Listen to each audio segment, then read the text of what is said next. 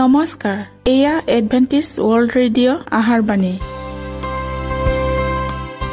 ঊনৈছ মিটাৰ বেণ্ডত পোন্ধৰ হাজাৰ পাঁচশ পঞ্চাছ কিলো হাজত। এডভেণ্টিছ ৱৰ্ল্ড ৰেডিঅ' যোগে অসমীয়া ভাষাত প্ৰচাৰিত আহাৰবাণী প্ৰত্যেক বুধবাৰ আৰু দেওবাৰ সন্ধিয়া সাত বজাত আহাৰবাণী শুনাৰ পিছত আপোনালোকৰ কিবা মন্তব্য আৰু প্ৰশ্ন থাকিলে আমালৈ এই ঠিকনাত লিখক। আমাৰ ঠিকনাটি হৈছে Adventist world radio' seven day Adventist মণ্ডলী অসম শাখা লতাকাটা বশিষ্ট গুৱাহাটী সাত আঠ এক শূন্য দুই ন।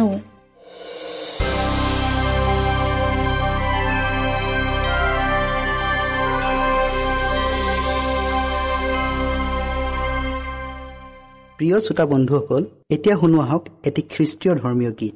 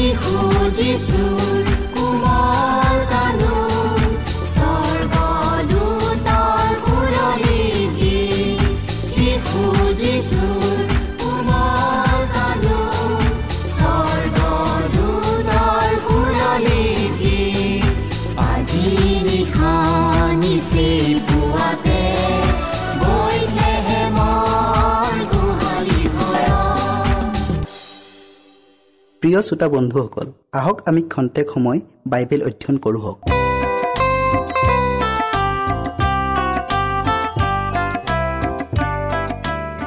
প্ৰিয় শ্ৰোতাসকল নমস্কাৰ। আজি আমি যোৱা অনুষ্ঠানৰ গুপ্ত ধনৰ বাকী অংশটোৰ অংশ মহাধন অনুসন্ধান কৰাৰ বিষয়ে অধ্যয়ন কৰোঁ হওক। আপোনালোকে শাস্ত্ৰপদ পঢ়িব মঠি তেৰ অধ্যায়ৰ চৌৱাল্লিছ পদ। আমি প্ৰাৰ্থনা কৰোঁ হওক। হে কৰোণাময় ঈশ্বৰ জেহুৱা তোমাৰ নাম ধন্য হওক। প্ৰভু এতিয়া আমি বিশেষ বিষয় মহাধন অনুসন্ধান কৰাৰ বিষয়ে অধ্যয়ন কৰিবলৈ আগবঢ়াইছোঁ। সেই নিমিত্তে তুমি আমাৰ লগত থাকা আৰু প্ৰত্যেক শ্ৰোতাৰ হৃদয় পবিত্ৰ আত্মাৰ যোগেদি স্পৰ্শ কৰি দিয়া। যীশুৰ নামত খুজিলোঁ আমেন।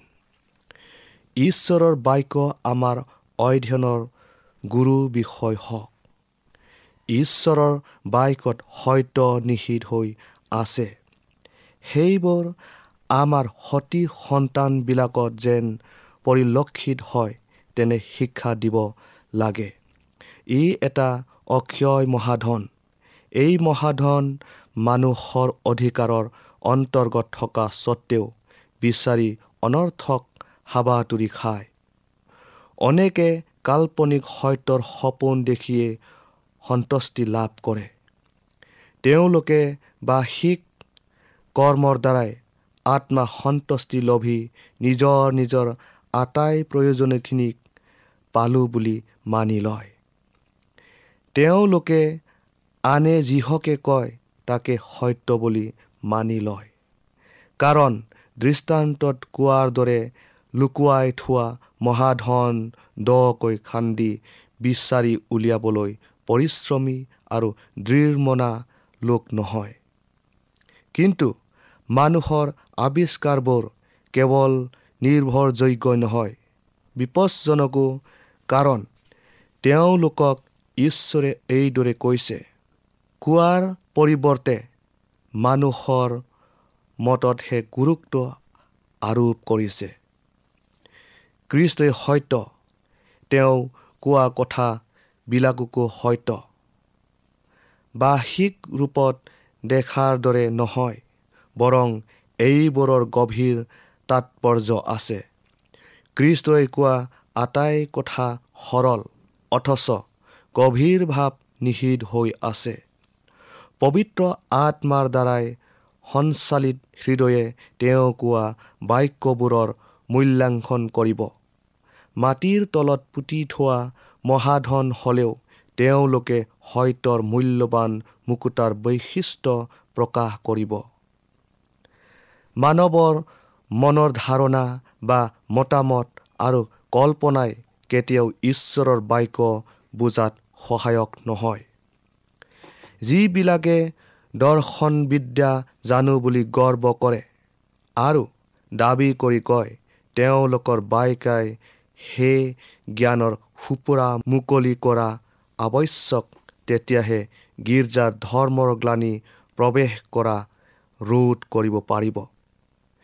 এনেবোৰ ব্যাখ্যাই অলিক কল্পনা আৰু ধৰ্মগ্লানিৰ পথ প্ৰশস্ত কৰি দিয়ে।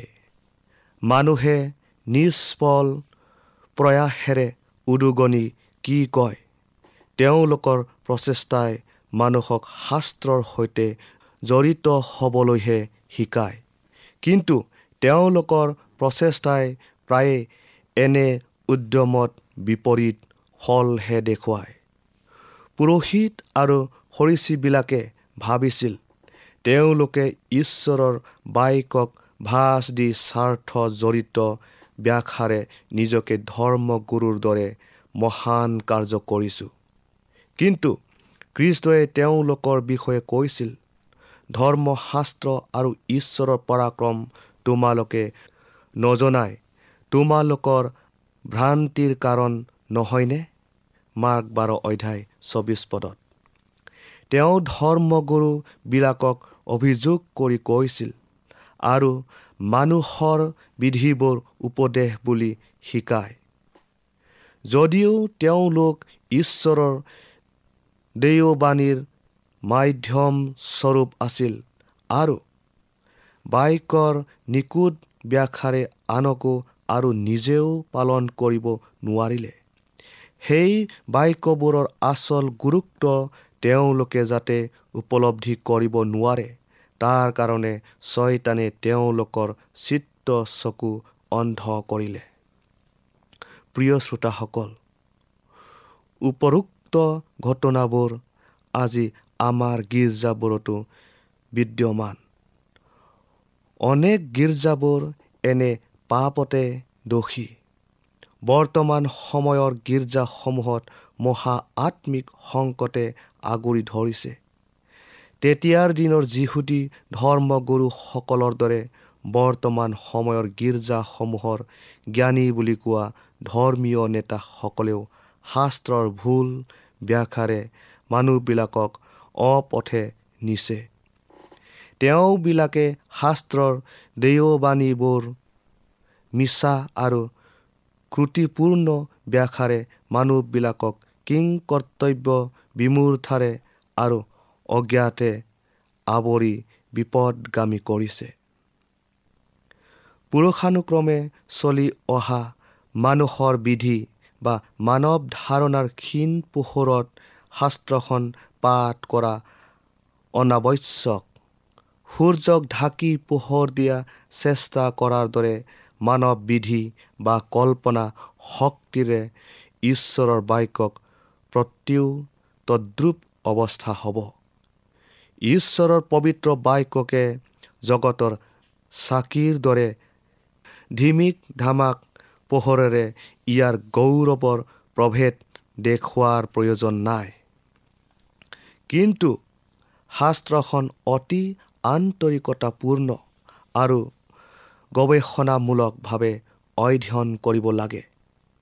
সত্যৰ প্ৰতি থকা ঠিক্য আৰু বোধ শক্তি কেতিয়াও সৰু পালিৰ পুৰস্কাৰ হ'ব নোৱাৰে। অধ্যহায়ী উদ্যম আৰু দৃঢ় সংকল্প অবিহনে কোনো মৰ্তই আশীৰ্বাদ প্ৰাপ্ত হ'ব নোৱাৰে। যদি মানুহে যত্নেৰে ব্যৱস্থায়ত ব্যৱসায়ত ব্যৱসায়ত ব্যৱসায়ত লাভৱান হ'ব খোজে তেওঁলোকে আনন্দ মনেৰে ব্যৱসায় কৰক আৰু ধৈৰ্যৰে ফল পাবলৈ অপেক্ষা কৰক। সেইদৰে দৃঢ় সংকল্প পৰিশ্ৰম অবিহনে আমি আত্মিক জ্ঞানত লাভৱান হ'বৰ আশা কৰিব নোৱাৰোঁ। মাটিৰ তলৰ ধন ৰত্ন পাবলৈ খনিৰ বনোৱাবিলাকে যেনেকৈ গাঁত খান্দে তেনেকৈ সত্যৰ মহাধন লাভ কৰিবলৈ কঠোৰ পৰিশ্ৰম অৰ্থাৎ ঈশ্বৰ ইচ্ছামতে চলিবই লাগিব। উদাসহীন অমনোযোগী মন লৈ কৰা কাম কোনো উপকাৰত নাহে। বৃদ্ধ আৰু যুৱক যুৱতীবিলাকে ঈশ্বৰৰ বাক্য পঢ়াটোৱে যথেষ্ট নহয়। কিন্তু সমস্ত অন্তকৰণেৰে দৃঢ়মনা হৈ প্ৰাৰ্থনা সহিত অধ্যয়ন কৰি লুকুৱাই থোৱা মহাধনৰ অন্বেষণ কৰিব লাগে। খ্ৰীষ্টই তেওঁলোকৰ মেধা শক্তি সজীৱ কৰি পুৰস্কৃত কৰিব। প্ৰিয় শ্ৰোতাসকল পবিত্ৰ শাস্ত্ৰত লিপিবদ্ধ হৈ থকা সত্যৰ জ্ঞানৰ ভিত্তিত সেই আমাৰ পৰিত্ৰাণ বা মুক্তি নিৰ্ভৰ কৰে। আৰু এয়া ঈশ্বৰৰ ইচ্ছা আমি যেন ইয়াৰ অধিকাৰী হওঁ। এতেকে সত্যৰ অন্বেষণ কৰক। হয় ক্ষুধাটোৰ হৃদয়লৈ মহামূল্যৱান বাইবেলৰ বাণীৰ অন্বেষণ কৰক। কণীৰ বনোৱাই মাটিৰ তলৰ সোণ বিচাৰি পোৱাৰ উদ্দেশ্যেৰে কণন কাৰ্য কৰে। তেনেকৈ ঈশ্বৰৰ বাক্য অনুসন্ধান কৰক। তেওঁৰ ইচ্ছা আপোনাৰ সিদ্ধ হোৱা আৰু তেওঁৰে সৈতে সম্বন্ধ নিশ্চিত নোহোৱালৈকে ঈশ্বৰৰ বাক্যৰ প্ৰতি মগ্ন হৈ থাকক। খ্ৰীষ্টই প্ৰকাশে কৈছে আৰু পুত্ৰত যেন পিতৃ মহিমান্বিত হয় এই নিমিত্তে মোৰ নামেৰে যিহকে খুজিবা মই তাকে সিদ্ধ কৰিম। তোমালোকে মোৰ নামেৰে যদি মোক কিবা খুজিবা তেন্তে তাক মই সিদ্ধ কৰিম। জোহন চৈধ্য অধ্যায়ৰ তেৰ আৰু চৈধ্য পদত। ধৰ্মনিষ্ঠা আৰু প্ৰতিভা থকা মানুহেও অনন্ত বাস্তৱৰ দৃশ্যৱলী উপলব্ধি কৰিলেও অনেক সময়ত দৃশ্যমান বস্তুৰ সহ্য বা চন্দ্ৰগ্ৰহণৰ অন্ধকাৰ হোৱাৰ দৰে তেওঁলোকৰ অদৃশ্য গৌৰৱো হৃদয়ংগম কৰাত বাধাৰ সৃষ্টি হয়। যিবিলাকে লুকুৱাই থোৱা মহাধন হস্তগত কৰিবলৈ পৰিশ্ৰমী হ'ব খোজে তেওঁলোকে পাৰ্থিৱ জগতৰ সকলো ত্যাগী ঊৰ্ধলৈ অতিক্ৰম কৰক। তেওঁৰ গুণসমূহ তেওঁৰ সামৰ্থ্য আটাইবিলাকক অনুসন্ধান কাৰ্যত উৎসৰ্গ কৰিব লাগে। শাস্ত্ৰ অধ্যয়নৰ দ্বাৰাই এক বিশাল জ্ঞানৰ অধিকাৰী হ'ব পাৰিলেহেঁতেন। কিন্তু অবাধ্যতাই সেই সুযোগ দ্বাৰ ৰুদ্ধ কৰি দিলে। বুজা পৰা মানে ঈশ্বৰৰ আজ্ঞাৰ বাধ্যতা হোৱা বুজায়। শাস্ত্ৰখনক মানুহৰ কুসংস্কাৰ আৰু পক্ষপাতৰ উপযোগী কৰিব নালাগে। শাস্ত্ৰৰ সৰল বাক্যবোৰ কেৱল নম্ৰতাক বিচৰাবিলাকেহে পায় কাৰণ তেওঁলোকে সত্যৰ জ্ঞান আহৰণ কৰি ইয়াৰ বাধ্যতা হ'ব। প্ৰিয় শ্ৰোতাসকল আপুনি সুধিছে মই অনন্ত জীৱন পাবলৈ কি কৰিব লাগে? আপুনি আপোনাৰ পূৰ্বৰ ভুল ধাৰণাবোৰ আপোনাৰ বংশগত অশাস্ত্ৰীয় বিধিবোৰ আৰু আৰ্জন কৰা কুৰীতি নীতিবোৰ প্ৰথম প্ৰৱেশ অৱস্থাতে সমূলি ত্যাগ কৰক। যদি আপুনি নিজৰ মতামত স্থাপন কৰিবলৈ শাস্ত্ৰখন অধ্যয়ন কৰিছে তেন্তে আপুনি সত্যৰ আঁতিগুৰি একোকে নাপায়। ঈশ্বৰে কি কৈছে সেইবোৰ জানিবলৈ সেই শাস্ত্ৰখন অধ্যয়ন কৰিব লাগে। আপুনি শাস্ত্ৰখন অধ্যয়ন কৰি থকা অৱস্থাতে আপোনাৰ মনে আপোনাক দোষী কৰে। অধ্যয়নৰতৰ সময়ত আপোনাৰ মনত কুভাৱ পোষণ কৰা সত্যৰ সৈতে ঐক্যতা নাই। তেতিয়া আপোনাৰ মতামত সৈতে কাপ খুৱাই ল'বলৈ শাস্ত্ৰৰ সত্যৰ ভুল ব্যাখ্যা নকৰিব বৰং যি পোহৰ পাইছে তাকে গ্ৰহণ কৰক। ঈশ্বৰৰ বাক্যৰ মহৎ কাৰ্য দেখিবলৈ আপোনাৰ মন আৰু হৃদয় মুকলি কৰক। বিশ্ব জগতৰ উদ্ধাৰকৰ্তা বুলি কৃষ্টত বিশ্বাস কৰাজনক অৰ্থাৎ হৃদয় দমন কৰি স্বৰ্গীয় মহাধন পাৰ্থক্য দেখুৱাই সমাদৰ কৰিছে তেওঁ সেই পোহৰৰ প্ৰতি সাক্ষ্য প্ৰদানৰ আহ্বান জনাইছে। এনে বিশ্বাস অনুতাপৰ আৰু স্বভাৱ ৰূপান্তকৰণৰ অবিচ্ছেদ্য অংগস্বৰূপ। বিশ্বাসৰ অৰ্থ হৈছে শুভবাৰ্তা মহাধন বিচাৰি গ্ৰহণ কৰা আৰু শাস্ত্ৰীয় বিধি পালন কৰা।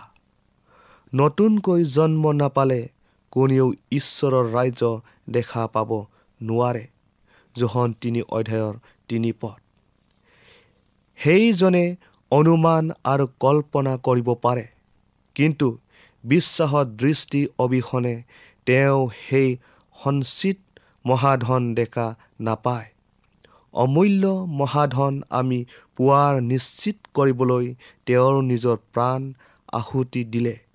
কিন্তু বিশ্বাসৰ দ্বাৰাই তেওঁৰ তেজত ধুই সুচি হৈ পুনৰ জন্ম নহ'লে পাপৰ পৰা নিষ্কৃতি নাই আৰু পতীত লোকও সেই মহাধনৰ পৰা বঞ্চিত হ'ল। ঈশ্বৰৰ বাক্যৰ সত্য উদ্ধাৰৰ অৰ্থে পবিত্ৰ আত্মাই আমাক সহায় কৰাত প্ৰয়োজন হয়। সূৰ্যই অন্ধকাৰ দূৰীভূত কৰি পোহৰৰ জোৱাৰ বোৱাই নিদিয়া মানলৈকে আমি প্ৰাকৃতিক জগতৰ সুন্দৰতা দেখিবলৈ নোপোৱাৰ দৰে ধাৰ্মিকতাৰ সূৰ্যৰ দ্বাৰাই উজ্জ্বল পোহৰেৰে প্ৰকাশ নকৰা মানুহলৈকে ঈশ্বৰৰ বাক্যত থকা মহাধনৰ মূল্য বুজি নাপাম। প্ৰিয় শ্ৰোতাসকল নিস্বাৰ্থ প্ৰেমৰ হিত সাধনৰ অৰ্থে স্বৰ্গ প্ৰেৰিত পবিত্ৰ আত্মাৰ ঈশ্বৰ প্ৰদত্ত সত্য। দ্বিধাহীনভাৱে খ্ৰীষ্টত বিশ্বাস কৰা সকলোৰ প্ৰতি প্ৰকাশ কৰে। আত্মাৰ পৰিত্ৰাণৰ অৰ্থে তেওঁৰ শক্তিৰ দ্বাৰাই যি জীৱনদায়ক বাক্যই যাৰ যাৰ হৃদয়ত মোহৰ মাৰি জীৱনৰ পথ দেখুৱাব সেয়ে সৰল আৰু কাৰো অভ্ৰান্ত নোহোৱা পথ। আমি শাস্ত্ৰ অধ্যয়ন কৰা সময়ত ঈশ্বৰৰ পবিত্ৰ আত্মাৰ পোহৰ তেওঁৰ বাক্যৰ ওপৰত প্ৰতিফলিত হ'বলৈ প্ৰাৰ্থনা কৰোঁ হওক যাতে আমি সেই মহাধন দেখি গ্ৰহণ কৰোঁ। প্ৰিয় শ্ৰোতাসকল ইমানতে আজি আমি সামৰিলোঁ। ঈশ্বৰে আপোনালোকক আশীৰ্বাদ কৰক।